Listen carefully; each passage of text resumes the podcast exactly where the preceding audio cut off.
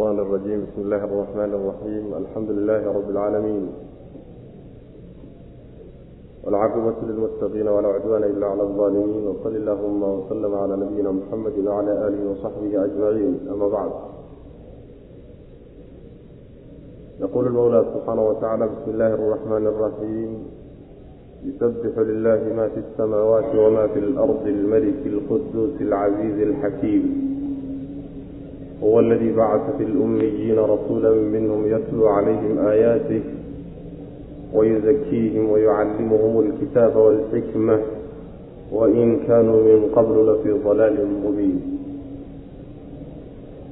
waxaa uu darsigeenu caawa ka bilaabanayaa suurat اljumuca suuradda la yidhaahdo suurat اljumuca waa suurad madani ah oo qur'aanka qeybtiisa madaniga ah bay ka mid tahay saasoo macnaheedu ay tahay waxay qeyb ka tahay qur'aankii soo degay nebiga hijradiisa kadib salawatullahi wasalaamu calayh. Intuu nebigu soo hijrooday uu madiine u soo hijrooday qur'aankii soo degay oo muddadaas soo degay bay ka mid tahay. Qur'aanka noocaasa waxaynu nidhi inta badan wuxuu ka hadlaa oo isagoo aan qaybaha tawxiidka iyo akhlaaqiyaadka iyo iimaaniyaadka aan ka tegin laakiin wuxuu caan ku yahay axkaamta ayuu wax ka taabtaa axkaamta oo dhaqanka iyo mucaamilka ah. Sababkuna waxa weeye marka waxaa dhismay bulsho muslimiin ah. Markuu nebigu madiine yimi salawatullhi wasalaamu calayhi bulshaa dhisantay. Mujtamac baa dhismay. Mujtamacii marka wuxuu u baahan yahay nidaamkii iyo qofkuu ku kala socon lahaa in loo dejiyo. Qorshihii marka waxa weya waa axkaamta sharciga ee qaar ku saabsan yahay dhaqaalaha qaar ku saabsan yahay masalan wada noolaanshihii bulshada qaar ku saabsan yahay qoyskii iyo guurkii iyo caruurtii qaar akhlaaqiyaadka ku saabsan yahay qaarba mid ku saabsan yahay qorshahaasay marka oo axkaamta sharciga ah ayay macnaha waxa weeyaan suwarka madaniga ah ayay saabtaan oo ka hadlaan. Suuraddanani marka waxyaalaha ay ka hadli doonto oo mawduuceedu ku saabsan yahay waxa weeye ilaahay subxaana watacaala tawxiidkiisa iyo keliyadiisa iyo marka labaad allah subxaana watacaala rasuulku inoo soo diray nebi maxamed salawatullhi wasalaamu caleyh iyo risaaladii uu ugu soo dhiibay. Markaa kadibna waxaa laga hadlayaa bulshadii inaga horreysay ee yahuudda ahaay ee kitaabkii towreedha la siiyey yaa dhaleecayn loo soo jeedinaya. Dhaleecayn ayaa loo soo jeedin doonaa. Qolyaha markii laga gudbo waxaa suuradda lagu gebagabayn doonaa allah subxaana watacaala dardaaran iyo amar uu inaga siin doono jumcada iyo salaada la tukado maalinta jumcada. Taasay marka suuradda lagu gebagabayn doonaa lagu khatimi doonaa macna. Bismi illaahi araxmaan araxiim bismi illaahi magac allaan ku bilaabaynaa. Allihii yani waa kaalmaysanaynaa oo suuradda magac alla anagoo kaalmaysanaynaan bilaabaynaa wey. Allihii alraxmaani naxariista guud lahaa oo ku tilmaanaa alraxiimi midda gaarkaana lahaa. Macnaha horaan u soo sheegnayo waxaa ugu fiican araxmaani araxiimida in la yidhaahdo raxmaanidu waa naxariista gaal iyo islaam ka dhaxaysa ee adduunka lagu wada haysto. Oo ilaahay baa bixiya subxaana wa tacaala tilmaantaasu leey alraxiimiduna waxa weeyaan waxay tilmaamaysaa naxariista khaaska ah ee maalinta qiyaamada alla uu dadka muminiinta ugu naxariisan doono. Dadka iimaan kale bas uu ku naxariisan doono macna. Marka naxariis guud iyo mid gaara labadaba allah ku tilmaama subxana wa tacala magaciisaan cuskanaynaa oo suuradda ku bilaabayna yusabbixu waxaa nasahaya lilaahi ilaahay waxaa nasahaya maa shayga fi samaawaati ciraryaalka ku dhex sugan iyo wamaa shayga fi lardi dhulalka dhexdooda ku sugan. Allihii almeliki ee boqorka ahaa alquduusi dahirnaanta badnaa alcasiizi ee haalibka ahaa alxakiimi ee falka sanaa. Allah subxaana wa tacaala waxaa ceeb oo dhan ka fogeynaya oo hufaya oo ku tasbiixsanaya makhluuqaadka samaawaadka iyo dhulalka dhexdooda jooga oo dhan. Waxba lagama tegin markaas. Waxay ka dhigan tahay iyadoo la yidhi oo dhan iyadoo la yidhi oo kale makhluuqaadkao dhan baa ilaahay hufaya subxaana wa tacaala. Yusabbixdu markaa horaan u soo sheegnay tasbiixdu qur'aanka waxay ku soo aroortay iyadoo bilafdi alamar ah sabbix isma rabbika alaclaa iyadoo bilafdi almaadi ah sabbaxa lilaahi maa fi samaawaati iyo iyada oo lafdu lmudaarica iyo iyadoo masdara inta way ku soo arortay macnaheedu waxa weeyaan rabbi subxaana wa tacaala xilli walba waa hufan yahay wakti soo socdana waa hufan yahay ceeb waa ka fog yahay wakti tegeyna ceeb waa ka hufnaa wuxuuna mudan yahay mar walba in ceeb laga hufo.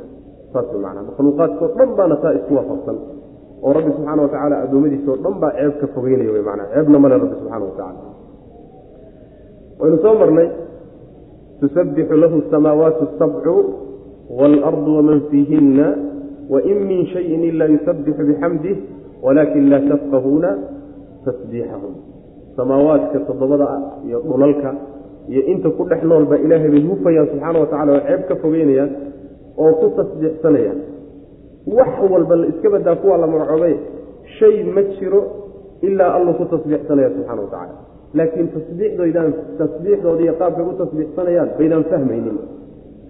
Walaakin laa tafqahuuna tasbiixahumtaasi waxay noo cadaynaysaa tasbiixda ay tasbiixsanayaani inay mid xaqiiqi ah tahay oyna majaazi ahayn way tasbiixsanayaan oo ilaahay bay hufayaan laakiin inagaan fahmi karin. Ma diideyso marka waxyaalaha jamaadaadka ingegan geedaha iyo buuraha iyo cirka iyo inay ilaahay ku tasbiixsadaan wax diidaya ma jiro. Bal axaadiista nabiga salawatullahi wasalaamu calayhi ayaa sugaysa in ay jamaadaadku hadli karaan. Jamaadaadku inay hadli karaan oo alla ka hadlin karo ayay kutusaysaa marka rabbi inay ku tasbiixsanayaan oo tasbiixdaasi xaqiiqa ay tahay saasa raajix oo xoog badan macna. Mufasiriinta qaar ka mid a waynu soo marnay in ay tilmaamayaan oo leeyihiin tasbiixda inta hadli karta oo ilaahay subxaana wa tacaala uu awood u siiyey inay hadlaanna carabkiiyo afkay kaga tasbiixsanayaan inta kalenteen hadli karayninna muuqaalkoodaasaaba astaan ilaahay kutusaysa macna.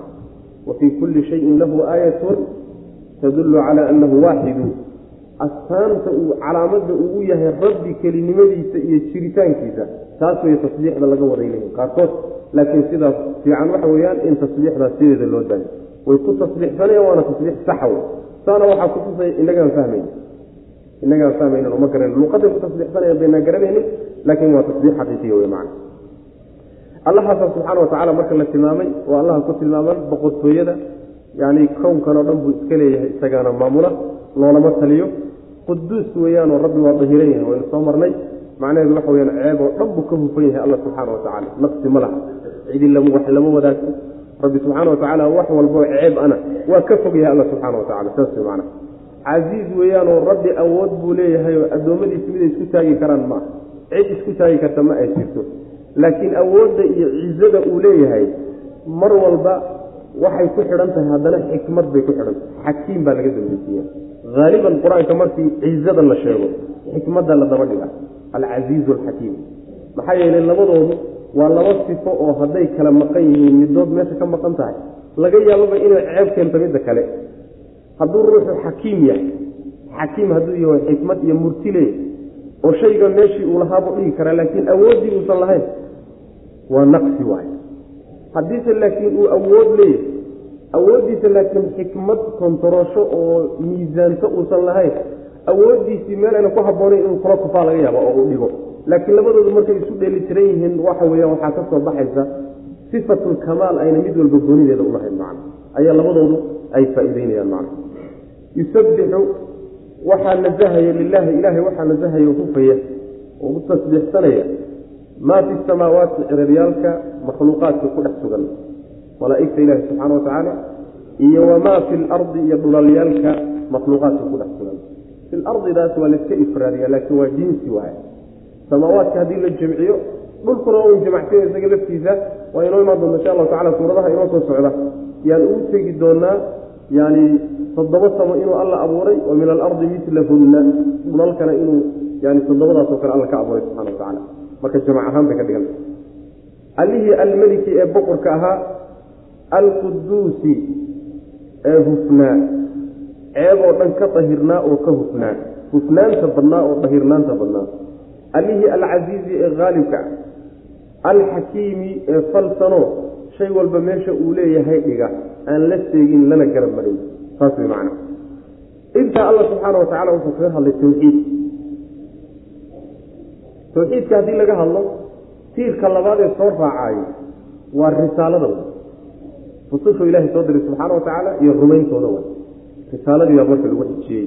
Alla wuxu uhi subxana wa tacaala huwa alle alladii midka weye bacasa diray fil ummiyiina. Kuwii aan waxbana qori karin waxbana akrin karin dhexdooda wuxuu u diray rasuulan rasuul buu diray. Rasuulkoo minhum ayaga ka mid ah. Rasuulkaasoo yatlu akriyaya calayhim dushooda aayaatihi ilaahay aayaadkiisa ku dul akrinay oo wayusakiihim dahiraya oo nadiifinaya oo wayucallimuhum baraya alkitaaba kitaabkii baraya waalxikmata sunnadana baraya wainhu wain inhu amar iyo shanigu wuxuu ahaaday kaanuu inay ahaayeen min qablu horaan. Ay min qabli bicsati intaan la soo saarin la fii dalaalin baali dhexdeed mubiinin oo cad inay ku sugnaayeen. Saas way xaalka iyo arrinku sidaas weyaan macna alla subxaana wa tacaala allahaas boqortooyada iskale ee maamulka iskale ee talada iskale ee loo wada tasbiixsanayo lagu wada xidhan yahay makhluuq oo dhan u wada hoggaansan yihiin waa midka soo diray kuwii ummiyiinta ahaa dhexdooda midka ka soo diray wey rasuul iyaga ka mid ah. Ummiyiintaas ummiga waxaa la yidhahda waa ruuxa aan waxbana qori karin waxbana akrin karin waay kaasaa ummiga la yidhahda ummi waxaa loogu bixiyey nisbatun ila alum waay waa kii hooyadii loo loo nisbeeyey hooyadii macnaha loo aaneeyey waay hooyadii ka loo siiyey waay sababku waxa weeye ruuxu hooyadii markuu ka yimaado oo uu hooyadii ka dhasho hooyadii gacanteeda uu ku jiro oo uusan waxba baranin. Waxna ma qori karo waxna ma akrin karay. Saas daraaddeed baa ummi loo yiri marka ummiyiin magaca waxaa caan ku ah carabtii waktigii nabigeena joogtay salawatulli wasalaamu caleyh iyagaa macnaha loo yaqaanaa ummiyiin. Waynu soo marnay. Yani fii suurati ali cimraan ayaan ku soo marnay. Ummiyiinta waxaa la yidhahdaa carabta loo yaqaanay ahlulkitaabkana yahuud iyo nasaara loo yaqaanay ummiyiinna waxaa loogu magacaabayaa dad wax qori karo wax akrin kara waa ku jireen. Laakiin waxay u badnaayeen dad aan waxbana qori karin waxbana akrin karin. Saas macana waxay cuskan jireen oo inta badan ay macnaha waxa weye isticmaali jireen xifdiga. Wax alla wixii la sheego o dhan way xifdin jireen. Taariikhday xifdin jireen gabayaday xifdin jireen waxna ma qori jiren waxna ma akrin jiren ha ahaatee rag wax qori karo wax akrin kara waa ku jireen way ka yaraayeen macna. Ummiyiin baa marka la odhan jiray marka carabta dhexdeeda alla midka ka soo saaray oo ka soo diray weye rasuul iyaga ka mid ah. Waa nebi maxamed salawatulli wasalaamu caleyh rasuul iyaga ka mid ah midka alla ka soo saaray wey subxana wa tacala rasuulkaas ayaga markii laga soo saaray waxa uu muxuu qabanayaa? Wuxuu qabanayaa ilaahay aayaadkiisuu ku dul akrinaya. Aayaad xagga ilaahay looga soo dhiibay ayuu ku dul akrinaya aayaadka uu ku dul akrinayna akhris keliyata ma ahee wayusakiihim taskiyada waxaa la yidhahdaa in wixii ruuxa lagu dul akriyahayey ee yani waxa weyaan mabaadi'da ahayd aayaadkii lagu dul akrinayay siduu u dhaqangelin lahaa ee u fulin lahaa tarbiyo lagu layliyo oo tarbiyo lagu siiyo sidaa daraaddeed ba waxay yidhahdeen kelimatu tarbiya iyo kelimatu tadkiya isku macnay ku yimaadaan atadkiya watarbiya isku macnay yimaadaan waxaa laga wadaa waxay tilmaamaysaa wayusakiihim jaanibkii camaliga ahaa oo nebigu salawatullhi wasalaamu caleyh intuu dadka uun aayaadka ku dul akriyo muhimmadiisu intaa keliya mahay ee waxaa kaleetoo la socotay markuu ku dul akriyo qaabkay ugu dhaqmi lahaayeen qaabkay u fulin lahaayeen qaabkay u samayn lahaayeen qaabkay u gudan lahaayeen ayuu haddana nebigu ku leeyiyey salawatullahi wasalaamu caleyh marka waxaa laga bahirayaa oo dhaqankooda qalbigooda waxaa laga hufayaa shirkiga iyo xumaantii oo dhan xasadkii cuduradii qalbiga geli jira o dhan baa laga bahiraya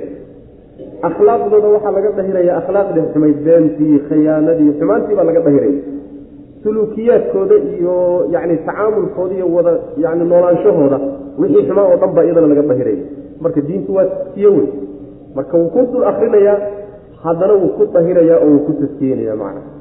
Waxa uu barayaa wixii uu barayey oo aayaadkii ah ayaa la sii cadeeye waxaa la yidhi waxa uu baraya waa kitaabka iyo xikmadda kitaabka waa la isku waafaqsanya waa kitaabka qur'aanka xikmadduna sida jumhuurulmufasiriin ay qabaan raajixan ah waxa weeyaan waa sunnada nabigeena salawatullah waslamu caleyh lianna labadaa masder baynu leenahay diinteennu labadaa masder bay ku jirtaa. Waa kitaabka ilaahay oo malakul jibriil uu keenay iyo sunnada nabigeena salawatullhi wasalaamu caleyh oo waxyiga qeybtiisii labaad.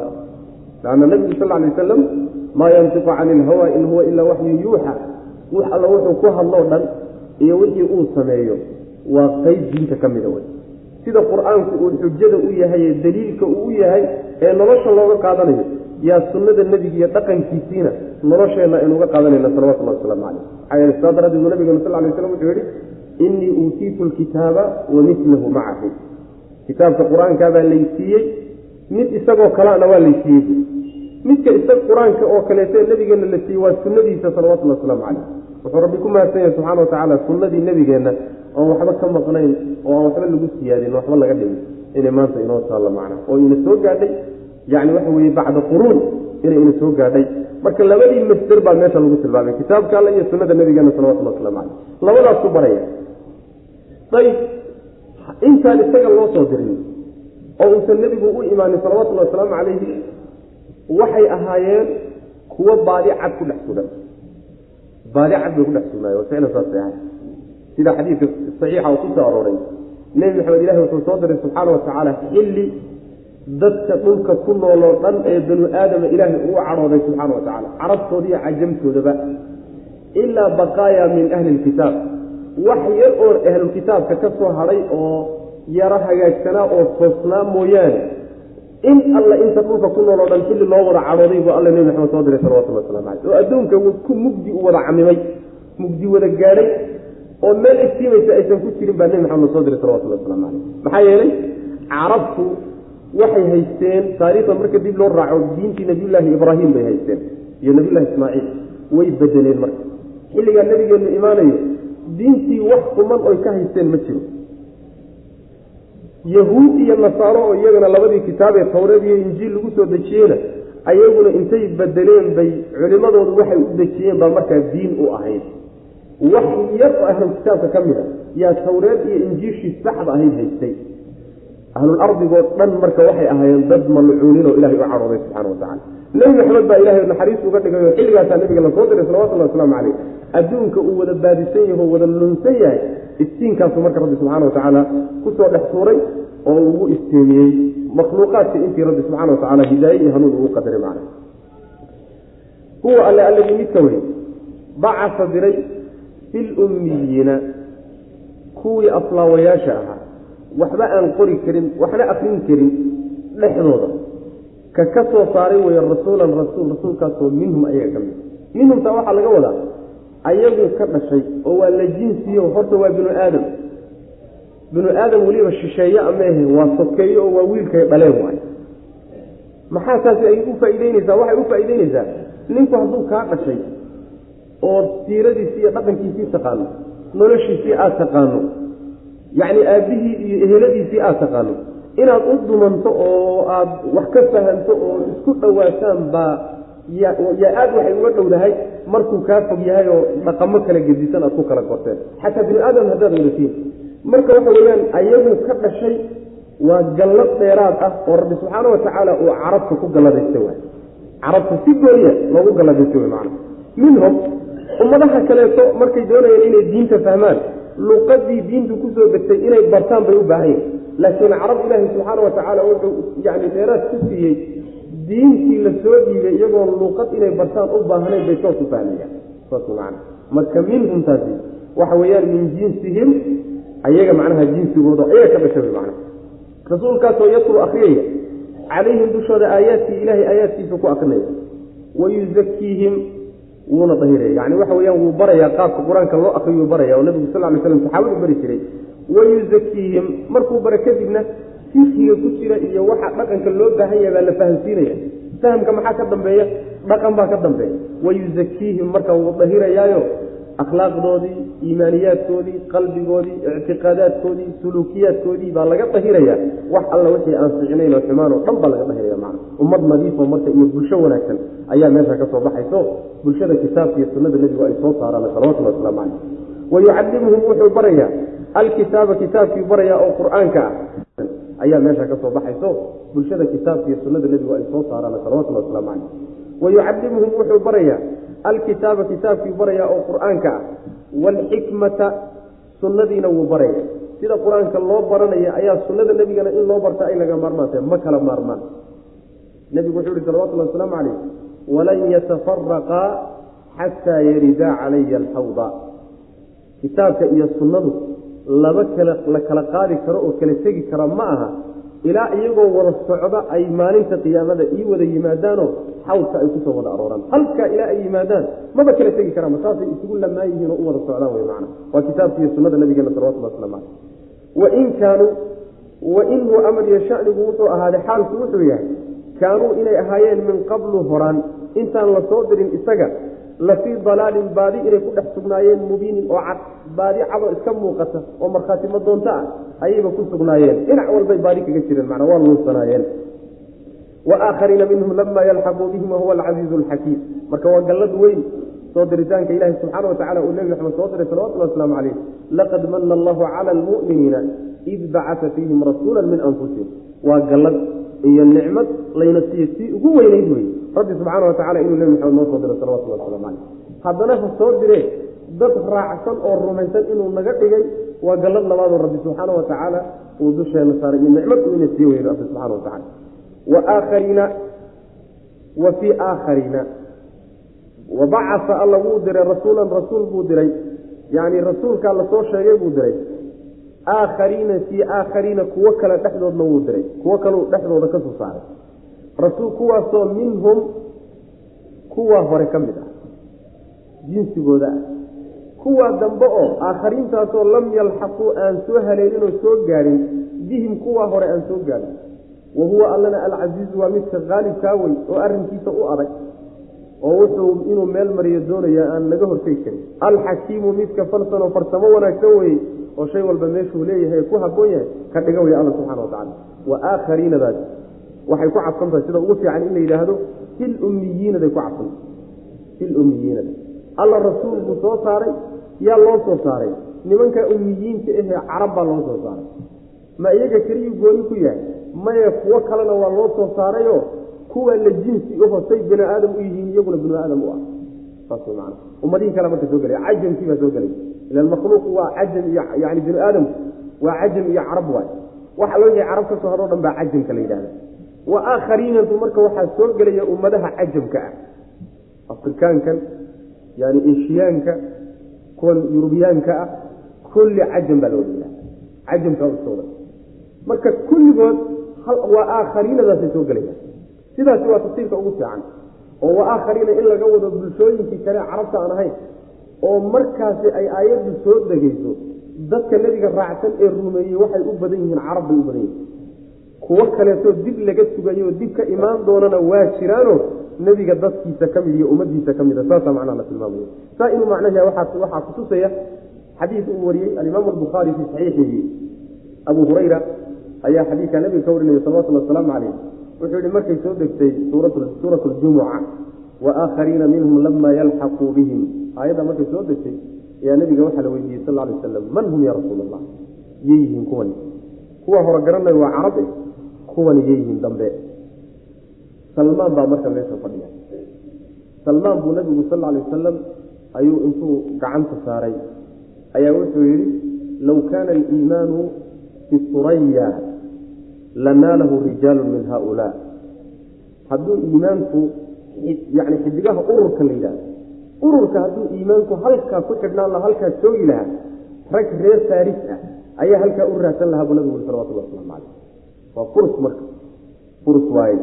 Furs marka waa dowladdii weyney ruum marka laga reebo dowladdii weyneydee jirtay wey muslimiintu ay dib ka qabsadeen ee salmaan alfarisi uu ka dhashay waay qoladaas in laga wado ayaa waxaa ku soo aroray xadiisku sunan saxiixulbukhaari ku soo aroray saasaana ficil la rajax mujaahid iyo mufasiriin badanna saasay rajaxayaan. Qolyo mufasiriinta ka mid a tafsiir kale sheega waxay wa aakhariina minhum taasi. Carabtii dibka islaamtay baa laga wada carabtii dibka islaamtay baa laga wada laakiin xadiiskaasaad moodaa inuu masalada nas ku yahay oo uu macnaha tilmaamayo dadka ay yihiin saas macna marka cajamkii aan carabta ahayne dib ka yimid dib ka soo islaamay ayaa laga wada haddii xataa carab la yidhaah kuwan dambe xataa caraabta dib ka islaami doontaa laga wada haddii la yidhaah macnaheedu ma aha inay nebi maxamed soo diritaankiisa salawatullhi wasalaamu caleyh carab keliyata in uu loola jeeday. Maxaa yeelay ayaga halkan waxaa loogu xusayaa oo xusitaanka iyaga loogu khaas yeelaya haddii la yidhaahdaba wax kale ma ahe galladda ayaga loo galay nicmada loo galay baa waxay ka weyn tahay ummadaha kaleta loo galay. Taasaana meesha la doonaya in lagu xusuusiyo macnaha in risaalada nabigeennu ay guda weyn tahay oo ayna carab gooni ku ahayna dee qur'aankaa meelo badan inoogu tilmaamay. Liundirakum bihi waman balaqa sominaa soo mar cid walba gaadho. Qul yaa ayuha annaasu inii rasuulu llahi ilaykum jamiica.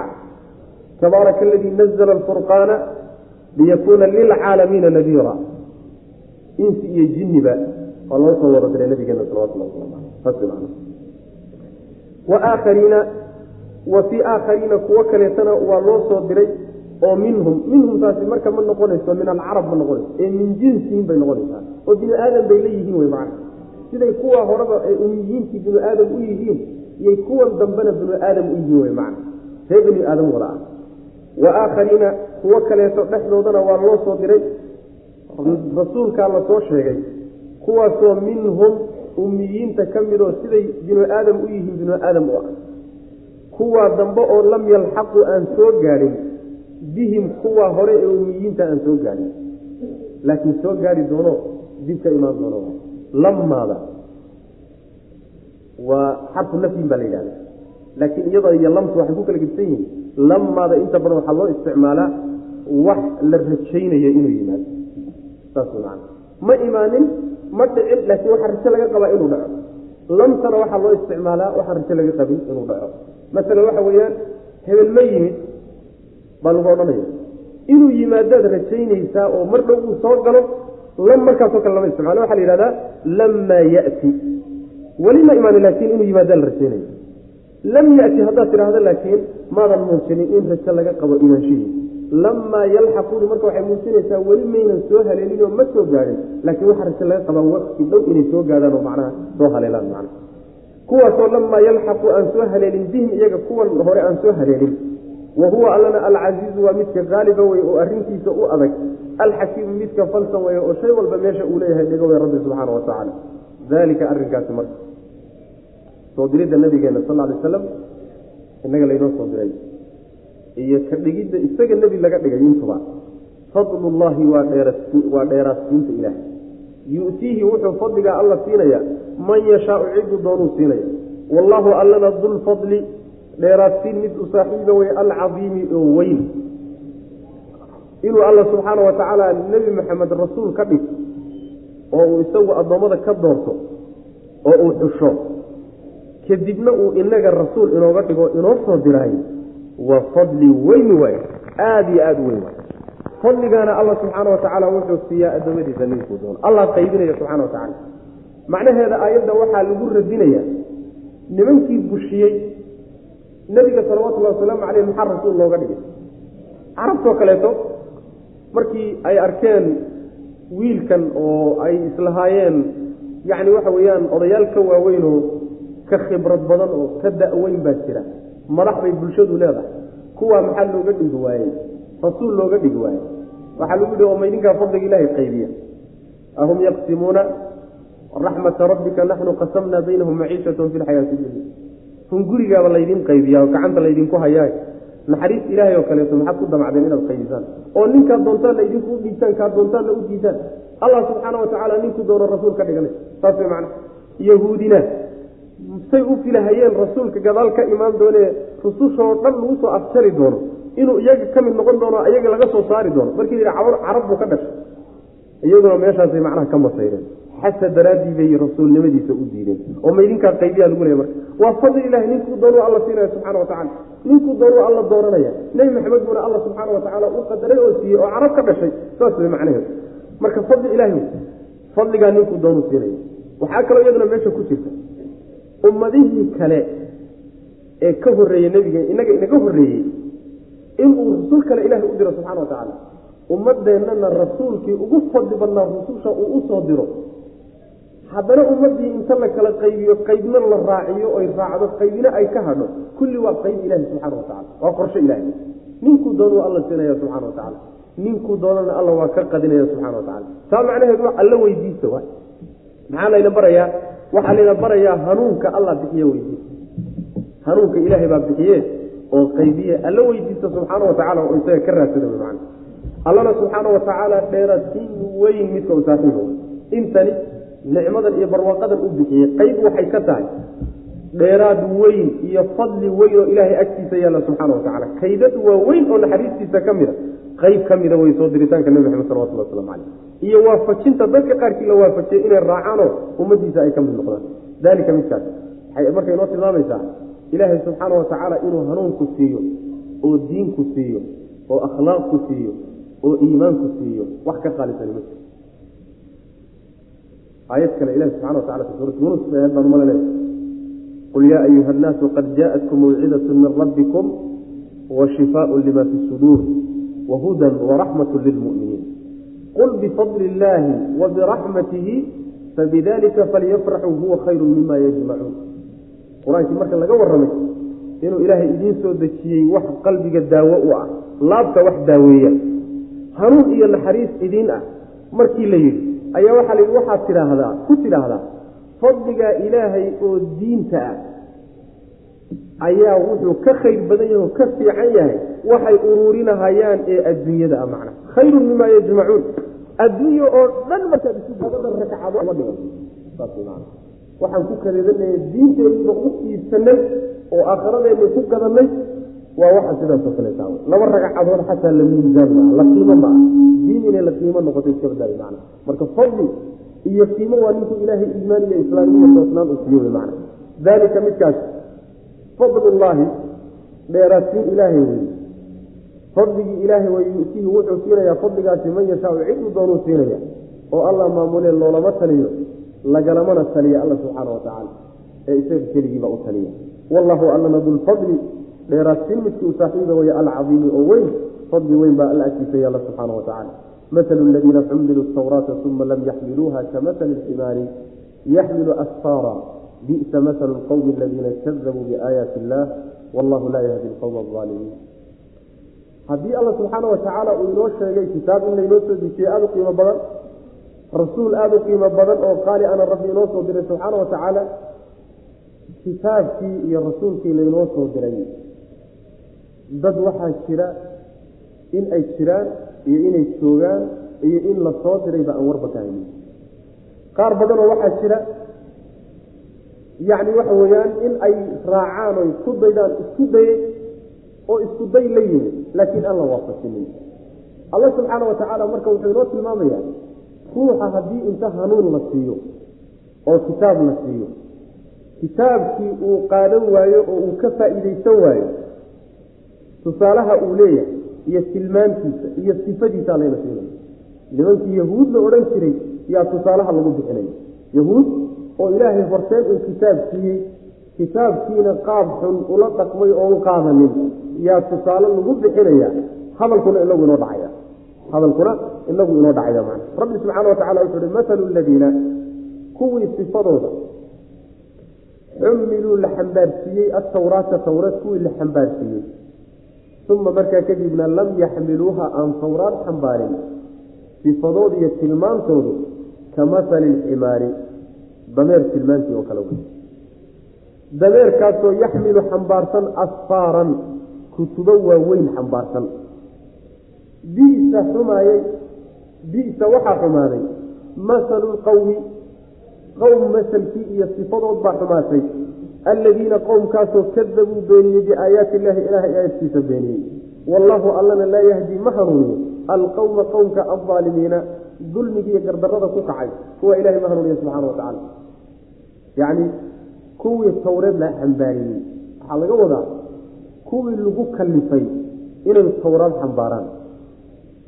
Mas'uuliyaddii towreed kuwa la saaray waa yahuud. Oo see loogu xambaariyey waxaa loogu xambaariyey dhabarka waxaa loo saaray towraad kitaabkii towreed ahaa ku dhaqankiisa barashadiisa ku dhaqankiisa ilaalintiisa ayagaa la xambaarsiiyey. Xilkaasaa la saaray.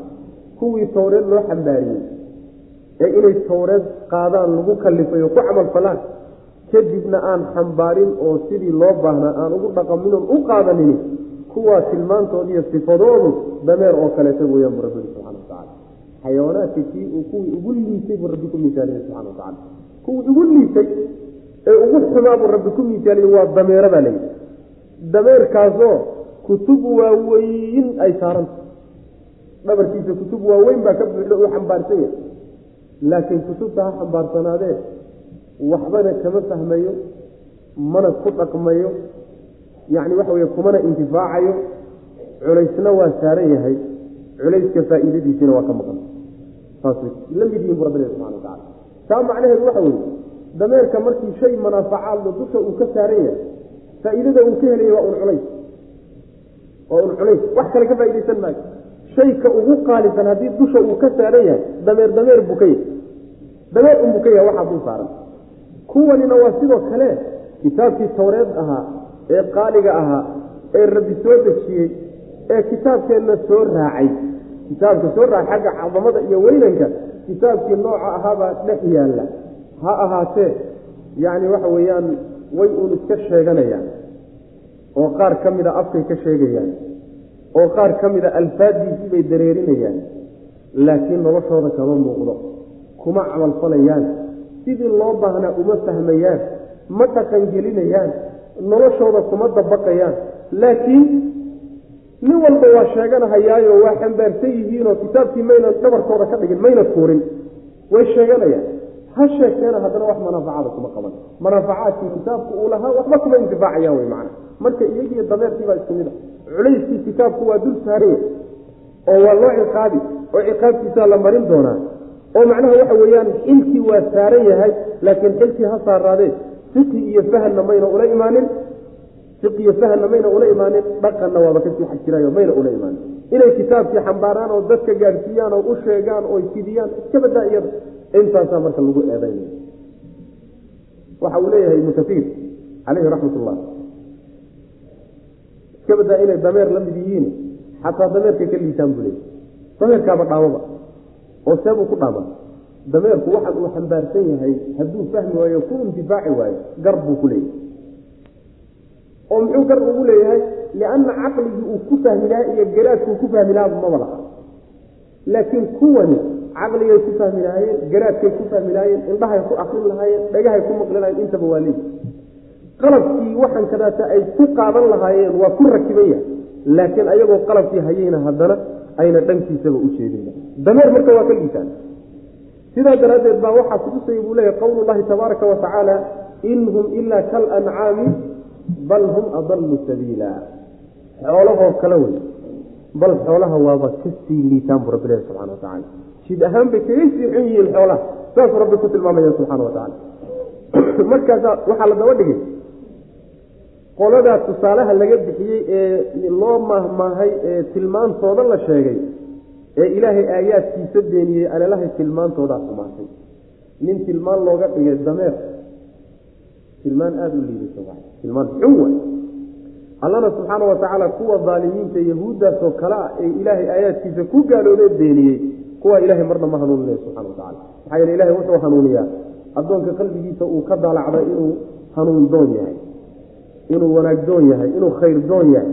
Addoonka qalbigiisa laga arkuu rabbi subxaana wa tacaala hanuuniya waladiina jaahaduu fiina lanahdiyannahum subulana laakiin haddii addoonka qalbigiisa laga arko inuu isagu uba sii jeesadaba danba uusan ka lahayn oo isagu wixiiba nacay. Hadda waxa weeyaan dhurwaa meeshuu doonayo unbaa usha loogu dhufan. Halkaa unbaa macnaha waxa weyaan maaragtay hogaanka loosa shaydaan iyo balaaya lala xidhiidinaya falamaa zaaquu azaaqa allahu quluubahum markay iyagu isheen iyo ilaahay qalbigooda leexiye subxana wa tacala alla marka ma hanuuninayo addoon aan hanuun doon ahayn addoonku markuu hanuun doon yahay buu rabbi subxaana wa tacaala garab qabtaayo hanuunka lagu hanuuniya macnaa wanaagga la tusaa ayib haddii marka yahuud arrinkaa lagu eedaynayo ma yahuud keliya arrintani khaas ku tahay yahuud keliya miyay khaas ku tahay maya waxaa la waxaa gelaya cid walba oo dha arrintaa yahuud lagu eedaynayo ku dhaqantoo samaystay ayaa iyaguna gelaya.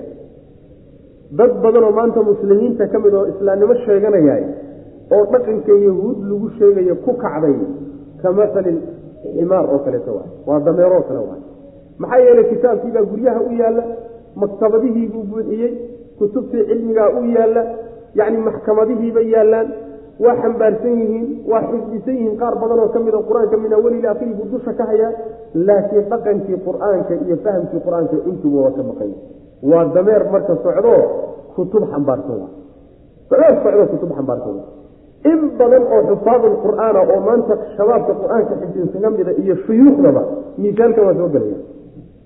Qur'aanka looga xifdiyo keliyata in lagu sawsoodeeyo lagu muuqeeyo oo macnaha waxa weeyaan ama lagu cuno oo lagu raadsado cunto lagu raadsado looma barto. Ee qur'aanka waxaa loo bartaa inta la fahmo axkaamtiisa in markaa kadib la dhaqan geliyo. Nin xaafid ah oo qur'aanka xifdisan haddana akhlaaq xun oo dhaqan xun oo macnaha waxa weeyaan dadkiiba ay ka cudubileegsanayaan oo dhaqankiisa dhaqan shaydaan oo kaleeta qur'aankiina xifdisan oo markuu akrinahayo aad aada moodeysa macnaha waxa weyaan maaragtay saxaabadii nabiga sal alay wasalam aada moodeysa yani waxa weeyaan waa dameer kutub xambaarsan oo kaleeto ninka cilmigale diinta barteen haddana dhaqan gelinin isaguna waa dameer kutub xambaarsan saas weyaan ila ilaahi subxaana watacaala yuhuud eed gooniya mayna gelin. Yuhuud waxay gashay ninkii la galaayay. Yahuud wixii lagu eedeeyey buu ku eedeysay. Saas way macana ee yahuud si gooni ah ayaga looma maagano oo diinsi xumo ay ka dhasheen ama wadan xumo ay joogaan laguma maagayo. Laakiin waxaa lagu maagaya waxay ku kaceen waxay ku kaceen ninkii ku kacayo miisaalkiiyo tusaalaha laga bixiyey buu ku raacaya. Marka bulshooyinka muslimiinta iyo dadka muslimiinta ah waa inay arrintaa ka baraarugaan oo diinta intaynu barano haddana dhaqan gelino waay waxaadan barin oo dhaqan gelin waa balaayo wey macana sidaas weyaan masalu ladiina kuwii tusaalahooda masalu ladiina kuwii sifadooda iyo tilmaantooda xumiluu loo xambaariyey atawraata tawreed loo xambaariyey oo xilkeeda la saaray oo lagu kalifay inay ku dhaqmaan uma markaa kadibna lam yaxmiluuha tawreed aan xambaarin oo dhaqankeedii iyo qaadashadeedii iyo fulinteedii aan la imaanin oo xilkii aan gudanin ka masali ximaari dameer oo kale la mid yihiin dameerkaasoo yaxmilu xambaarsan asfaaran kutub waaweyn asfaartu waa jamcu sifrin waay. Sifriga waxaa la yidhahdaa waa kitaabka kitaabka la yhahda weli kitaabku markuu weyn yahay ayaa sifriga la yidhahdaa marka kutub waaweyn buu xambaarsan yahay dameerku dameerku hadduu kutub xambaarsan yahay wax manaafacaadle buu xambaarsan kumase intifaacayo ayaguna sidoo kale wey diintii bay garanayaan kumase intifaacayaan kutubtii bay hayaan kumase intifaacayaan macnaha waxa weeyaan culayskii waa saaran yahay laakiin manaafacaadkii baa ka maqan wey macna waxaa xumaaday masalu lqawmi qolo tilmaantood ayaa xumaatay alladiina qoladaasoo kadabuu beeniyey biaayaati illahi ilahay aayaadkiisa beeniyey. Kuwaa ilaahay aayaadkiisii beeniyey oo tawreedna bedelay kadibna nebi maxamed salawatulli wasalaamu caleyh aayaadkuu la yimid ku gacan kuwaa iyaga ah ayaa tusaalaha laga bixiye tilmaantoodu aad u xumaatay. Wallaahu allana laa yahdi ma hanuuniyo. Alqowma qolada aldaalimiina ee daalimiinta gardarsaday daalimiinta waxaa laga wadaa gaalada ehe ilaahay aayaadkiisa beeniyey maxaa yeelay akbaru dulmin dulmi la galo waxaa ugu weyn gaalnimada ugu weyn shirkiga ugu weyn. Ina shirka la dulmun cadiim saas man marka gaalada laga wada saas qul yaa ayuha aladiina haaduu in zacamtum anakum wliyaau lilahi min duuni innaasi fatamanaw lmowta in kuntum saadiqiin fii suurati alacraaf ayaan ku soo marnay dadka ilaahay intuu wax baray oo uu diinta baray haddana dhaqankeedii ka diiday oo ka dhex baxay iyadoo rabbi uu ku misaaliyey subxaana watacaala ka masali lkalbi ey oo kale waa ey bay la mid in taxmil calayhi yalhas aw tatruku yalhas eyga haddaad faraha ka qaadana carabkuu laalaadinhayayo caliyadu daadinayo haddaad caydhisoo daba orodana carabkuu laalaadinhayo caliyadu daadinayo maryaba marnaba caliya daadin dayn maayo. Nin diin inta la baray khayr la siiyey haddana ku dhaqmi waayey oo ka siisay eygaasuu la dameerna waa la mid. In ka sii liidatana waa la mid in ka sii liidatana waa la mid bal eyda qaarkood baa ka fiican. Eyda qaarkood baa ka fiicano.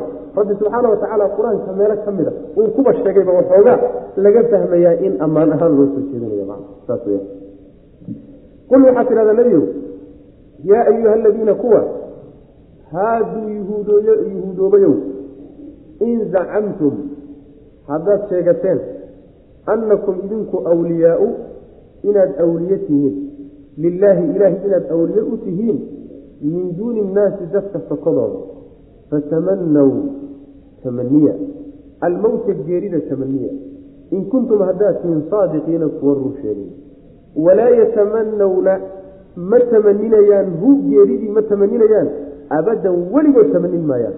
Bimaa qadam maxay u tamanin layihiin bimaa qadamat bisababi maa qadamat waxay hormarsatay daraaddeed aydihim gacmahoodu waxay hormarsadeen dembigii horay u galeen darteed bayna marna geeri u codsanaynin. Wallaahu allana caliimun kii og weye biaalimiina kuwa daalimiinta ah ee gardarsada ee yahuuddaasa ilahay waa ogyahay subxaana watacaala macnaheedu waxa weeye yahuud shacabka la yidhaahdaye waa nimanka sheegtay inay dadka ilaahay ka xigaan subxaana wa tacaala. Naxnu abnaau llaahi wa axibaauhu nimanka yidhi wa qaalat alyahuudu waannasaara naxnu abnaau llahi wa axibaauhu yahuud iyo nasaara waxay yidhahdeen caruurtii ilaahay iyo kuwuu jeclaa baanu dadka waanu ka xignaa. Waxaad ku tidhahdaa bale nabiga sal alay aslam hadday taasi dhab idinka tahay. Oo saad sheeganaysaan shacbullaahi almukhtaar aad tihiin. Say hadda yidhaahdaan shacabkii ilaahay doortay baanu nahay inta kaliya bulshooyinka kaliya mujtamacaadka kalena umamiyiin bay u yaqaanaan. Umamiyiin umamiyiinta waxaa la yidhahdaa waa dadka yahuudda ka soo haray. Jinsiga yahuudda la yhahda in alla inta ka soo har umamiyiin bay u yaqaanaan. Umamiyiinta marka waxaa loo abuuray bay yidhaahdaan inay u khidmeeyaan oo u adeegaan masaalixda shacabka ilaahay ee mukhtaarka ah. Saasaaba ilahay u abuuray bay leeyihi dadkan madmadow iyo yurubtan tadaata wareertay iyo eeshiyaankan waxaan o dhan waxay ka rumaysan yihiin inay dameero iyaga u adeegay inay noqdaanba in looba abuuro looguma talagalay. Laakiin shacabka la doortayay yihiin waa yahuud. Waa yahuuday warkaas hadduu dad idinka yaho dadka ilaahay ka xigtaan waxaad samaysaan. Saas haddaad dadka uga xigtaan oo saasi dhab ay tahay. Geeri codsada sidaad kadeedkan adduunkaba u dhaaftaan oo adduunyadan iyo cudurkeeda iyo rafaadkeeda iyo colaadeeda iyo dhibkeedaba aada uga tagtaan oo aad rabbi agtiisa barwaaqada taaliya jannada aada ugu guurtaan hade ilaahu meeshana dhaafi dhah ilaahu meeshana dhaafiyo kadeedkan kalaata naga sii qaad dhah saas dhaha baa la yidhi geeri codsada. Rabbi subxaana wa tacaala wuxuu leeyahay marnaba weligood geeri codsan maayaan weligood geeri tamanin maayaan maxayna geeri u tamaninayiin maxaa yeelay nimanku afka unbay ka leeyihiine laakiin way is og yihiin waxay horay u galeen. Dembigay la yimaadeene ilaahay agtiisa u yaallay ogyihiin alle agtiisa inay ciqaabi u taallana way og yihiin sidaa daraaddeed geeri ku degdegi maayaan fii suurati baqara waa inay ku soo marnay. Qul in kaanat lakum addaaru alaakhiratu cinda allahi khaalisatan min duuni innaasi fatamanaw lmowta in kuntum saadiqiin. Walan yatamanawhu abada bima qadamat aydiihim. Wallahu calayhim biaalimiin walatajidannahum axrasa annaasi calaa xayaat dadka nolosha ugu dadaal badan oo inay sii noolaadaan ugu jacayl badan waa yahuud waay. Xataa gaalada intooda kale ayagaa nolosha ka jacayl badan. War sidan laguma yaqaano marka nin ilaahay agtiisa wanaag ku leh sidan laguma yaqaano geeriduu degdegsadaa ilahu meeshana dhaafi bu dhaha kadeedkan adduunyada middaa wanaagsane agtaada aanu guurna wey macna. Ayib meesha marka waxaa imaanaysa oo idinka laftiina muslimiinta ah xujadii baa inaga dib laynoogu soo celin. Idinka laftiina muslimiinta sooma sheeganaysaan inuu ilahay idin jecelya ha oo idinka laftiina ilahu meeshana dhaafi ma dhahdaan soo nebigiinu ma dhihin geeriha codsanina oo ilaahay geeriha weydiisanina. Ha hada idinka laftiina xujadii maad annagaad nagu soo leexinaysaan laftiinu maad miisaanka issaartaan lagama wado in uu ruuxu yidhaahdo ilaahu idil e waxaa laga wadaa sida ibnu kasiir uu rajacaya hadda ka horna aan ka soo hadlay fii suurati albaqara iyo fii suurati alicimraan labadaba fain xaajuuka fiihi faman xaajaka fiihi min bacdi ma jaءaka faqul tacaalow nadcu abna'ana waabna'akum wanisaءana wanisaءakum uma nabtahil waanfusana waanfusakum uma nabtahil fanajcal lacnat allahi cala alaalimiin waa mubaahalo waay mubaahalada waxa la habaartan habaartan yacni kaalaya intaad soo baxdaan oo yahuuda intaynu isu nimaadno aynu habaarsanno haddaad idinku khaldan tihiinna inuu ilaahay idin rogo eber idinka dhigo haddaanu anagu khaldan nahayna inuu ilaahay na baabiyo eberna ka dhigo diyaar mawtiin middaa iyadaa yahuuday nebigu salawatullahi wasalaamu caleyh arrintaa markuu u gudbiyey odayaal reer nasaaro ahoo nebiga soo booqday oo wafdu najiraan nimankii la odhan jirayna nebigu sal alay wasalam wuu ka codsaday oo ma habaarsanaa buu ku yidhi. Odayaashii reer yahuudeed iyo culimadoodiina wuu ku yidhi mayla habaarsamaysaan mubaahale mayla gelaysaan kulligood dib bay u gurteen. Waa la geli waayeen marka geeri codsada annagu waxaanu diyaarunaha inaanu dhinaahno ilaahu labada qole ishaysta midkoodii khaldan. Baabihiyo eber ka dhig. Ee idinku ma heli kara ma dhihi kartaa? Maya waa ku dhici kari waaya sababtuna waxa weeyaan waxa ka horreeya ogyihiin oo dembigay galeenoo hadday saa ku hadlaan in eber laga dhigo nebi maxamed inuu rasuul yahayna waa ogyihiin sal alla alay wasalam hadalkiisa iyo ducadiisa in loo aqbalina way ogyihiin saa daraaddeed waa cabsaday marka mubaahala laga wadaaye mujaradu tamani lagama wado. Waa sida uu ibnu kasiir rajaxayo waana macno aada u qurux badan wey man macno aada u fiican saas wey waxaa ku soo aroray saxiix bukhaariga nabigeena min xadiidka cabdillahi bni cabaas inuu nabigu yihi salawatullhi wasalaamu calayhi cabdillahi bni cabaas baa wuxuu leeyahay abujahl ninkii la odhan jiray ayaa wuxuu yihi wuxuu ku dhaartay haddaan muxamed kacbada agteeda kula kulmo wala inaan luqunta kaga istaagin.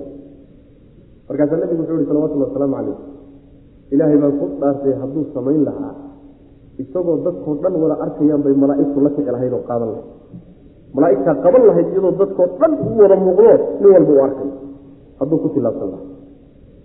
Nimankii nebiga salawatullahi wasalaamu calayhi yahuudina buu nebigu sal lay waslam yahuudina hadday ilaahay geeri weydiisan lahayd midi kama hadheen buu nebigu uri salawatullah waslamu calayh nimankii nebiga inay habaartamaan uu ka codsadayna hadday la habaartami lahaayeen guryahoodii bay ku laaban lahaayeen ayadoo iyagoon xiliyo xoolo toona ka nixin xiliyo xoolo wax alla waxay ka nixeen oo dhan ilahay eber ka dhigi laha subxana wa tacala saasuu nabigeenu yihi salawatullah waslamu calayh.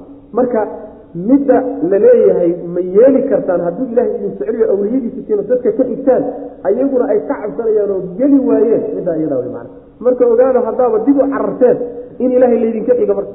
Waa laydinka dhowya ragga ku dhiiran kara inay habaartamaan raggaasaa ilahay idinka dhow subxana watacala inay awliye ilaahayna yihiinna iskuba laakiin wixiina waa sheegado maydaan cabsateen haddii macnaha ay dhab idinka tahay macna saas weya qul waxaad tidhahdaa nebiyow yaa ayuha aladiina kuwa haaduu yahuudoobayow in zacamtum haddaad sheegateen annakum idinku awliyaau inaad awliye tihiin lilaahi ilaahi inaad awliye u tihiin kuwa ilaahay xiga ee ilaahay jecel yahay ee alla jecel haddii aad sheegateen inaad tihiin. Min duuni innaasi dadka intiisa kale sokadooda dadka intiisa kale oo dhan inaad ilaahay ka xigtaan oo awliye u tihiin haddaad sheegateen fatamanow tamaniya oo codsada almowta geeri aan habaarsanno oo labadiin labadeenna qolo midkii khaldan yatamanawnahu geeridaasi ma ay tamaninayaan oo codsan weli abadan weligood bimaa qadamad waxay hormartaysa daraaddeed aydiihim gacmooda nimanku xog bay iska hayaano waxay sameeyeen bay og yihiin isma mooga sidaa daraaddeed hadday nebi alle la habaartamaan khalaas inay u dhammaan bay og saas daraaddeed ilaahay agtiisana cadaab iyo ciqaab u yaallo.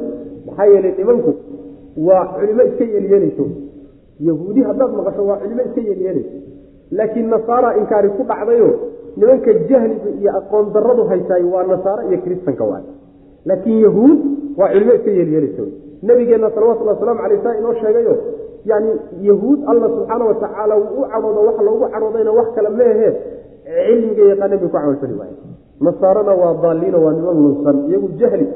Way iska qardajeexayaan qardajeex ilaahay caabuda isleeyihiinoo waa isla quman yihiinoo niyad sami baa ku jirta oo laakiin hayjab cidlaa bay ka cilmi la'aan baa kuwa haysa macna saas weya wallahu allana caliimun kii og weeye biaalimiina kuwa aalimiinta alla waa og yahay subxaana watacaala hadday marka geerisaa uga cararayaan ma carar bay geeri kaga baxsanayaan. Qul waxaa tidhahdaa nebigu ina almowta geerida alladii geeridaasoo tafiruuna aada ka cararaysaan minhu xaggiisa fainahu midkaasi mulaaqiikum midkii idinla kulmayo wey uma markaa kadibna turadduuna waa laydin celini markii ay geerida ay idinla kulanto ilaa caalimi lkaybi waxa qarsoon ee idinka idinka qarsoon midka og xaggiisa laydin celi washahaadati iyo waxa muuqda ee jooga labadaba ka og fa yunabiukum markaasuu idinka warami bimaa kuntum wixii aad ahaydeen tacmaluuna kuwa sameey haddaad si kasta geeri uga carartaan yahuudey oo aad seclaataan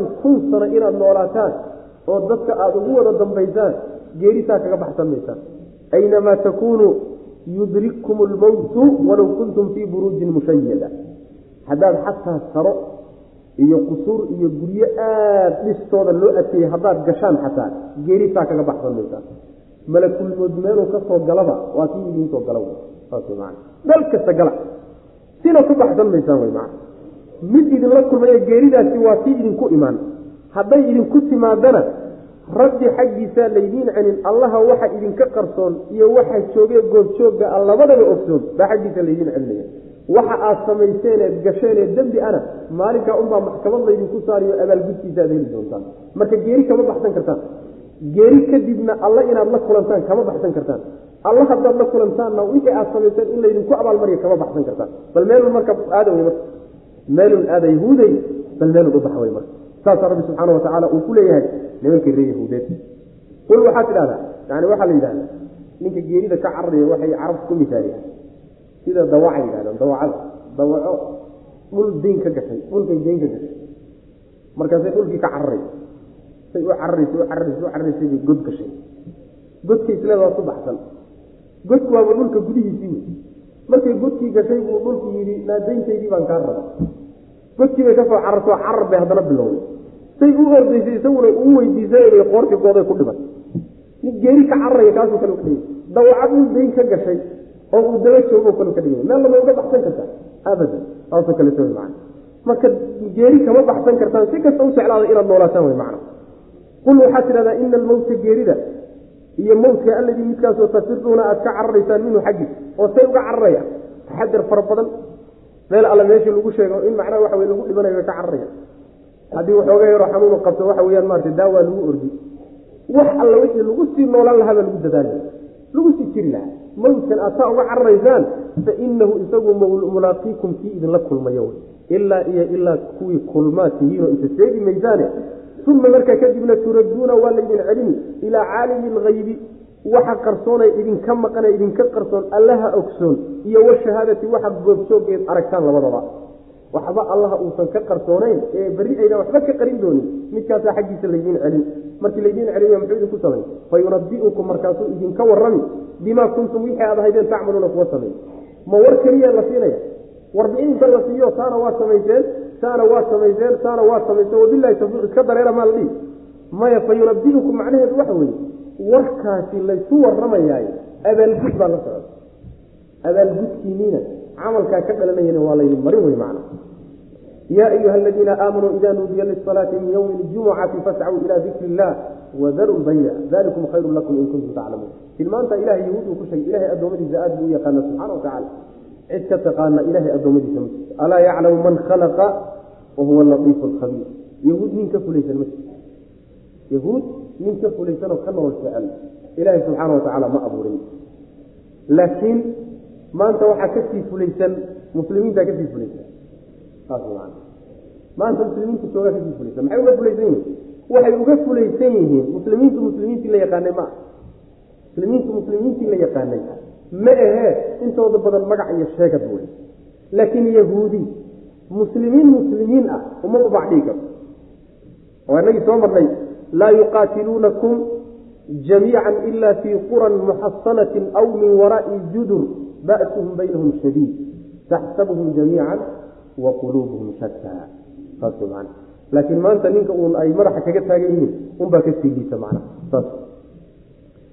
Yaa ayuha aladiina kuwa aamanuu rumeeyeyow idaa nuudiya haddii la dhawaaqo lisalaati salaada haddii loo dhawaaqo min yowmi ljumucati maalinta jumcada haddii salaada loo dhawaaqo fascaw aada ilaa dikri illaahi dikriga ilaahi xaggiisa aada wadaruu kana taga albayca iibkana daayo oo ka taga daalikum kiina oo inaad dikriga ilaahi aadaan iibka iyo ganacsigana joojisaan ayaa khayrun idin wanaagsan lakum idinka. In kuntum haddaad tihiin taclamuuna kuu og faidaa qudiyat haddii la dhammeeyo asalaatu salaadii jumcada haddii la dhammeeyo laga baxo fantashiruu faafa.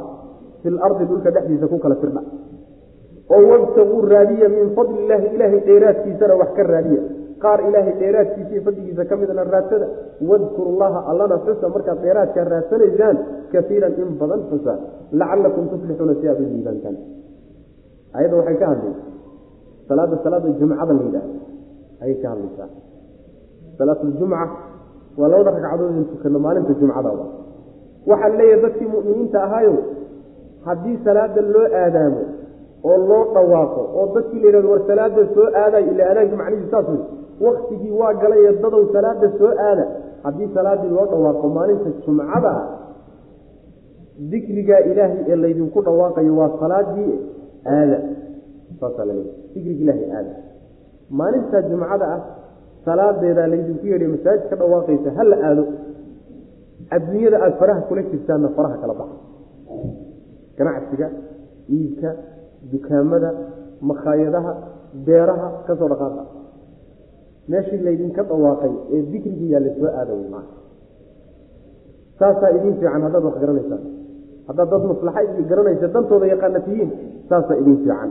Intaad adduunyada ka timaadaan meeshaa laydinka dhawaaqayo salaada inaad soo aadaan saasaa idin fiican wey macna ayib salaaddii haddii la dhameeyo oo salaaddii jumcada la guto aada isugu timaadeen dhulka ku kala faafa.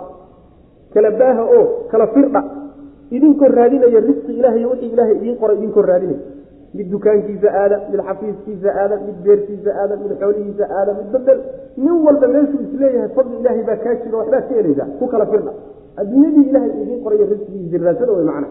Intaa aada risqigiiyo adduunyada raadinaysaanna allaha halmaamine dikriga ilaahay badiya si aad u libaantaan dukaanka markaad dhex joogtaan ilaahay xusa beerta markaad dhex joogtaan ilaahay xusa xafiiska markaad dhex joogtaan ilaahay xusa markii aad macnaha waxa weyaan aada ganacsigaaga wadato rabbigaa ha halmaamine dikrigii iyo xusidii ilaahay wad wey macna. Wadkuru llaha kaiira lacalakum tuflixuuna saas macna. Marka yani maalinta jumcada waa maalin aada u qiimo badan oo ilahay ummaddan siiyey subxana wa tacala ummaddana ilaahay uu ugu deeqay subxana wa tacala waxaa nabigeena ka asaxday salawatullahi wasalaamu calayh ummaddanen inay ummadaha ugu dambayso laakiin maalinta qiyaamada in loogu horumarin doono ummadna xisaabiya iyadaa ugu doono wuxuu nabigu yuri sal alay wasalam maalinta jumcada ah waa maalin ummadihii hore oo dhan inta la yidhi hooya oo qaata ay diideen. Yahuud baa loo bandhigo way diideen. Nasaara loo bandhigo way diideen. Ummaddanuu ilaahay u digdigay oo ugu deeqay subxaana wa tacaala. Waa maalin fadaa'il gooniya iskale fadligeeda waxaa ka a maalinka isaga abuurka ilaahay subxaana wa tacaala makhluuqaadka maalinku gebagabeyo soo afsaray axad baa la bilaabay jumcana waa la soo gebagabeeyey makhluuqu xilligii abuurkiisu dhammaystirmay waaye maalinta jumcada maalinta jumcada waa maalintii nebiyullaahi aadam calayhi salaam la abuuray maalinta jumcada waa maalintii aadam laga soo saaray jannada waay maalinta jumcada waa maalinta qiyaamadu istaagi doonto waay maalinta jumcadii fadaa'il aada u fara badan oo aada u badan oo culimadu tiriyeen oo axaadiista nabigeena ku soo aroortay ayay leedahay ummaddanayna khaas ku tahay. Wuxuu nabigu uri sal lla alay wasalam labada ummadood ee kaleeto ee kutubta lagu soo dejiyeyba way naga dambeeyaan. Yahuudi waa berri nasaarona waa saa dambe. Soo saas ma berri inaga maxaynu tahay sabti sooma yahuudi waa berri nasaarona waa saa dambe labada way naga dambeeyaan. Innaga ka horreyna sooma naxnu alaakhiruuna asaabiquun saas xagga imaanshaha adduunka waan kaga dambaynaa laakiin dhanka kaliya fadliga iyo khayrka annagaa kaga horeyna saas wey mana ummadeennana kaga horeyso rabbi subxaana watacala fadligaa u sii macna maalintaas jumcada marka dadaal gooniya in la soo dadaalo ruux inuu soo qabaysto isa soo udgiyo isa soo qurxiyo. Yacni waxa weye jumcadii wakti hore uu yimaado markuu meesha yimaado uu aadaabti ilaaliyo dhaqdhaqaaqa uu joojiyo intay khudbadu socoto saasaa la doonaya macna. Ayaddu marka waxay inoo tilmaantay aadaanka maalinta jumcada markuu dhaco wax alla waxaa adduunyee gacanta lagula jiro oo dhan in la joojiyo beecii baa laga cabiray ganacsigii baa laga cabiray laakiin inta kalena waa la mid. Inta kalena waa la mid. Aadaankaasi marka waa aadaanka dambe waay. Masaajida qaarkood waxaa laga aadaamaa laba aadaan baa laga aadaamaa soo maa aadaanka aan loo baahnayn mar hadduu dhaco in ganacsi dambe la sii wado adduunyada laga lagu sii mashquulo waa aadaanka dambe ee dhacaya markuu imaamku mimbarka fuulo. Saas macana ee khudbada uu bilaabayo aadaanka la aadaamayo. Laakiin aadaanka hore marka uu dhaco dadku waa iska ganacsan karaa waa la shaqaysan karaa suuqyadu waa iska furnaan karaan. Dhib ma laha ka dambe way marka laga wado. Maxaa yeele waktigii nabigeena salawatullhi wasalaamu calayh hal aadaan u baaba jirayba waana midkaa markuu nabigu mimbarka fuulo la aadaami jiray. Waktigii cumar abuubakarna saasu ahaa waktigii cumarna saasu ahaa cusmaan ibnu cafaan waktigiisii ayaa dadkii intay bateen ayaa marka wuxuu jideeyey aadaanka labaad. Yani waxa weye guri la odhan jiray azawraa beer dheer. Ayaa la fuuli jiro intuu muadinku fuulo suuqa u dhowey ayuu marka halkaa ka aadaami jiray macna. Si ay dadku ay u ogaadaan waktigii uu soo dhawaaday loo soo diyaar garoobo wey macna aadaanka dambena markuu mimbarka fulo imaamka ayuu dhici jiray waana masaajidda qaarkood hadda sida laga sameeye macna. Marka labada aadaan midka hadduu dhaco aan la ogolayn adduunye iyo ganacsi lagu sii mashquulo in markaba la soo dhaqaaqo loo baahayo waa aadaanka dambe man maxaa yeele markaa khudbadii baa bilaabanaysa salaadiina waaba ka dambaysaa man sidaas weya culimada islaamku marka yani waxay isla ogolyihin isku waafaqsan yihiin aadaanka dambe hadduu dhaco inuu ganacsigu xaaraam yahay. Saas man inaad wax kala badbadso wax kala rogrogto oo ganacsato oo faa-iide raadiso oo suuqaa kuu furaado oo maqaayadii kuusii furaato sii wada tahay. Inay xaaraam tahay waa la isku waafaqsan yahi waxa aad ka heshay ee kaa soo galay ma xaaraan baa mise xaaraan ma aha. Beecii lagu galay mafasid baa mise waa saxiix. Way isku hayaan. Laakiin inaad dembi weyn gashood xaaraam ku dhacday masalada laislama diidana waxaana kutusaya aayadda daahirkeedo wadaru bayca daruudu waa lafdu lamar laakiin macnaheedu waa nahyi. Taraka iyo manaca iyo dara iyo waa kelimaad asalkoodu amar ahaan baa loo bineeya siiqadu waa amar laakiin macnahoodu nahyi buu faa'ideeya macna. Nahyiguna taxriim buu kutusaa xaaraan buu faa'ideeya macna. Marka waa la isku waafaqsanya macna marka waa in suuqyada oo dhan la soo xidho baqayadaha waa in la xidho meelaha ganacsiga waa in laga tago beerninkiina ka soo tago xoolaha laga yimaado. Macnaha waxa weye xilligaas salaadu ay dhacayso jumcada waa in muslimiintu meesha isugu wada yimaadaan wy macna oo khayrkaasi weyn laga wada faaidaysto saasaa la doonaya. Yaa ayuha aladiina kuwa aamanuu rumeeyeyow idaa nuudiya haddii loo dhawaaqo lisalaati salaadii haddii loo dhawaaqo. Min yowmi ljumucati maalinta jumcada maalinta jumcada haddii salaada loo dhawaaqo fascaw socda. Sacawdaa lagama wado orda soo rucleeya macnaheedu maaha sacawda waxaa laga wadaa u soo qasta oo soo aada oo soo dadaala waay. Ruux inuu qabayska soo qabaysto soo dadaalo isu soo barkuuniyo xilli fiican yimaado iyo fascawda saasa laga wada maxaa yeele kelimada carabiga sacyiga camalka caadiga waa la yidhahda wax walba ruuxuu qabto saca waa la yidhahda orodkiiyo ruclahana saca waa la yidhahda halkan marka tii orodka soo orda ma ah inaan laga wadin macnahana waxaa kutusiya xadiidkii nabigeena salawatulli wasalaamu caleyh maalin maalmaha ka mid isagoo salaada ku jira nabigu sal lay slam buu wuxuu maqlay shanqadh rag soo ordahayo oo salaada gaadha isle markaasuu markuu nabigu salaada ka baxay muxuu aha shanqadhaan maqlay. Ha nabigu salaadan ka soo gaadhay ha yeelina buu nabigu salawatulli waslamu aleyh marka salaada imaanaysaan deganaansho iyo xasilooni iyo tartiib ku imaada waxaad imaamka imaamka la soo gaadhaanna la tukada. Wuxuu idinla dhaafana. Gadaal kala imaado oo gadaal macnaha ka soo haleeshada saasuu nabigu uri salawatullah waslamu aleyh marka salaadda markaad imaanayso in la soo orda ma aha oo meesha lagama wado laakiin soo dadaala wey macna imaada wey fascaw imaada oo u soo qasta oo soo ilaa dikri illahi dikri ilaahi imaada oo soo aada wadaruu kana taga albayca iibka ka taga dalikum kiina ayaa khayrun khayr badan lakum idinka idin khayr badan in kuntum hadaatin taclamuuna ku waxay u kala khayr badan yihiin. Dee meeshana beer aakharaa laga beeranaya. Waxoogaagan dukaanka aad ku mashquulsan tahayna waa adduunyo. Adduunyihii aakharana isuma dhigmaan saas way macna. Faidaa qudiyat isalaatu haddii salaadii marka la dhameeyo oo salaadii la guto labadii ragcadood la tukado waad fasacanta xidhitaankii lagu soo xidhay iyo keenitaankii lagu keenay. Xadhigii lagaa sii daayey waku kaase wixii lagaa keenay ku laaba wey macna. Meeshii aad isleedahay risqi ilaahay baa kaa jira iyo fadli ilahay baad ka helaysaa u raadso. Waad fasaxan tahay markaas. Faidaa qudiyad haddii la dhameeyo asalaatu salaadii haddii la faaruqoo la dhameeyo salaaddii jumcada wey fantashiruu faafa oo firdha fil ardi dhulka ku kala faafa. Ku baaha. Ilan waxa weya nimba meel unbu u dhaqaaqi sooma isku meel la wada aadi maaye marka masaajidka laga baxo nin walba meel sidii ayax kala firdhe oo kale loo kala yaaci marka fantashiruu fil ardi waay. Dhulka ku kala baaha oo wabtaquu raadiya min fadli ilahi ilahay fadligiisana raadiya fadliga ilahi waxa waye waa risqiga ilaahay dheeraadku idinku talagalay ganacsiga ka ribxaysaan beeraha xoolihii. Fadligaa raasida wey macna. Wadkuru llaha allase xusa kaiiran in badan xusa lacalakum tuflixuuna si aad u markaad adduunyadiina ku dhex jirtaan lafteeda aakhiradiina ha halmaamina.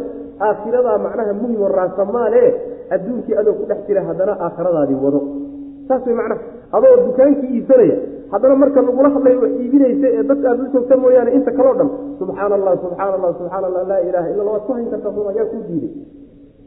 Waxba lagaa iibsan maayo miya haddaad subxana allah tidhahdo laa ilaha illa allah haddaad tidhahdo ma dad baad waayi? Ma waxbaa ku dhaafay?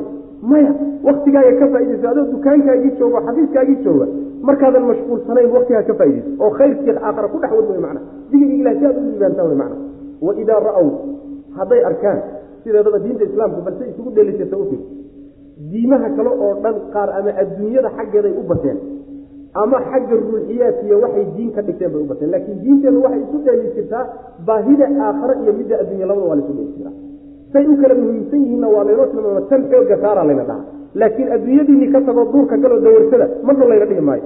Shaqayso laakiin yayna waraaquhu isaga kaa darmanine aakharaa adduunye ka muhiimsan intaa yayna kaa fakan intaasi jadwalkaaga ha ka halmaami laakiin shaqayso oo kasbo oo binu aadamka baahidiisa iyo baryadiisa ka kaafsan wey macana waidaa ra-w hadday arkaan saxaabadii tijaaratan hadday tijaaro arkaan. Ganacsi.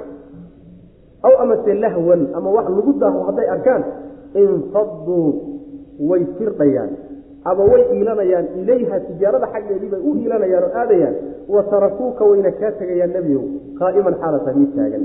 Qul waxaad tidhahdaa nebigo adoo khudbadii u taagan bay kaa yaacaya. Qul waxaad tidhahdaa nebigo maa cinda allah ilaahay waxaa agtiisa ayaa khayrun khayr badan min allahwi waxaa lagu daaho ee lagu mashquulo iyo wa min atijaarati tijaarada labadaba. Wallahu allana khayru raasiqiina. Inta risqiga bixisu ugu khayr badan yahay rabbi subxaana wa tacala saas man ayadda waxay ku soo degtay nabigeena salawatulli wasalaamu caleyh maalin maalmaha ka mida isagoo khudbatljumca akrinaya sida macnaha sixaaxa ku soo arooray isagoo khudbadii jumcada u taagan oo dadkii ay dhegeysanayaan ayaa abaaraad jiray oo dadku waa baahnaayeen oo carabtuna sideedaba khaasatan maka iyo waxay ku xidhnaayeen ganacsiga ama shaam ay ka soo ganacsadaan ama yeman ay ka soo ganacsadaan. Ayagoo marka la taagan yahay baa safarkii maqnayd ee alaabta iyo silaca waday ayaa soo gashay. Ayadoo khudbadii la dhegeysanay markii la arkay awrtii waday macnaha alaabta ganacsiga ay saarnayd oo soo gashay markii la arkay baa lagu yaacay. War dejiyay war kan anaa lahaayey kan iska lahaayey. Waa la kala boday sida macnaha hadda waxa wey alaabta marka la dejinay nin walba alaabtiisa ula goodo loogu yaacay. Saasoo kalea loogu yaacay. Labaiyo toban nin keliyata nabiga ku soo hadhay salawatullah waslamu caleyh labaiyo toban nin keliyata ku soo hadhay agtiisa. Taasaa marka saxaabada laga canaananaya war waxaad ka yaacdeen iyo waxaad ku yaacdeen koodee fiican sideeda maysu miisaanteen baa laleeyahy kanaad ka tagteen baa ka fiican kaad ku yaacaysa saas wey macna wuxuu leeyahay xaafid ibnu kaiir waxaa ku arooray mursal abi daawuud. Maraasil abi daawuud waxaa ku arooray xadiis tilmaamaya inay dhacdadani ahayd intuu nebigu salawatullahi wasalaamu calayhi uu ka hormarinayey salaada uu khudbada ka hormarinayay. Yani salaaduu marka hore tukan jiray markaasuu khudbada jumcada dambaysiin jiray. Salaadiibay tukadeen khudbadii in la dhegaystay ahayd markaasay iska yaaceen sidaas ayaa culimada qaarkood leeyihiin. Mursal abi daawuudna ku soo aroortay buu xaafid ibnu kaiir wallahu aclam.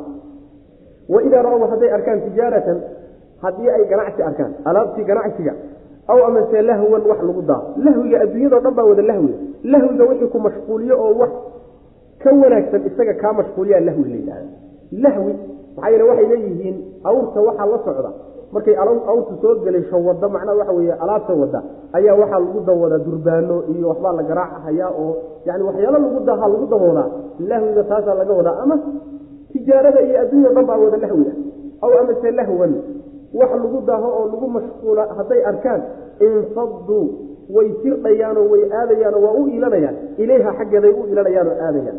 Wa tarakuuka wayna kaa tegayaan nebiyow qaa'iman xaalataa mid taagan. Adoo taagan bay kaa tegayan waxaa aayadda laga qaadanaya khudbada jumcada taagin baa lagu akriya fadhi laguma akriyo qaa'iman. Saasa macnaha ayadda laga qaadanaya. Qul waxaad tidhahdaa nebiyo maa cinda allah waxa ilaahay agtiisa ayaa khayrun khayr badan min allahwi yacni daahidda waxyaalaha adduunyada ee ka mid ee lagu daahay lagu mashquulo iyo wa min atijaarati alaabta ganacsiga labadaba waxaa ka khayr badan ilaahay agtiisa waxa yaalle jumcada iyo dhegaysiga khudbada aad ka helaysaane khayrkiiyo abaalgudka kaasaa ka fiican. Wallahu allana khayru raasiqiina. Inta irsaaqdu ugu khayr badan yaho haddaad daacadiisa laasimtaan oo khudbada si fiican u dhegaysataan iska fadhiidaan alla subxaana watacaala risqigiisa ka qadimaysaanoo wuu idin siine war wanaagga aakharaha ka cararina joogaa laleeyahy macana hada wabilahi tawfiiq sal allahuma wasalam cala nabiyina maxamedi wacala ali